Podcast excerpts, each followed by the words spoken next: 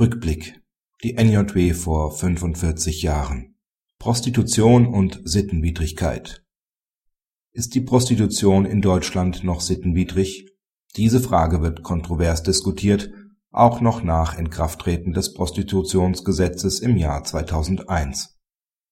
Die weibliche Prostitution ist unsittlich und wird von der Sitte missbilligt, stellte der BGH in der NJW von vor 45 Jahren fest NJW 1965, Seite 1030. Jedoch sei sie weder strafbar noch gesetzeswidrig, die soziale Ordnung habe sich mit ihr abgefunden. Daher könne eine Strafaussetzung zur Bewährung nicht allein aus dem Grund versagt werden, dass die Verurteilten Gewerbsunzucht, also Prostitution, betreiben.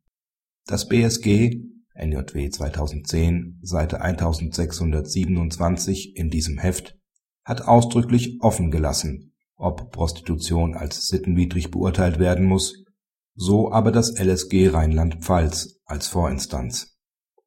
Die Bundesagentur für Arbeit sei nicht verpflichtet, Bordellbetreibern Prostituierte als Arbeitnehmer zu vermitteln. Unabhängig von einer möglichen Sittenwidrigkeit des Gewerbes sei die aktive Förderung von Arbeits und Beschäftigungsverhältnissen im Bereich der Prostitution weder mit den Zielsetzungen des SGB III noch mit der Werteordnung des Grundgesetzes zu vereinbaren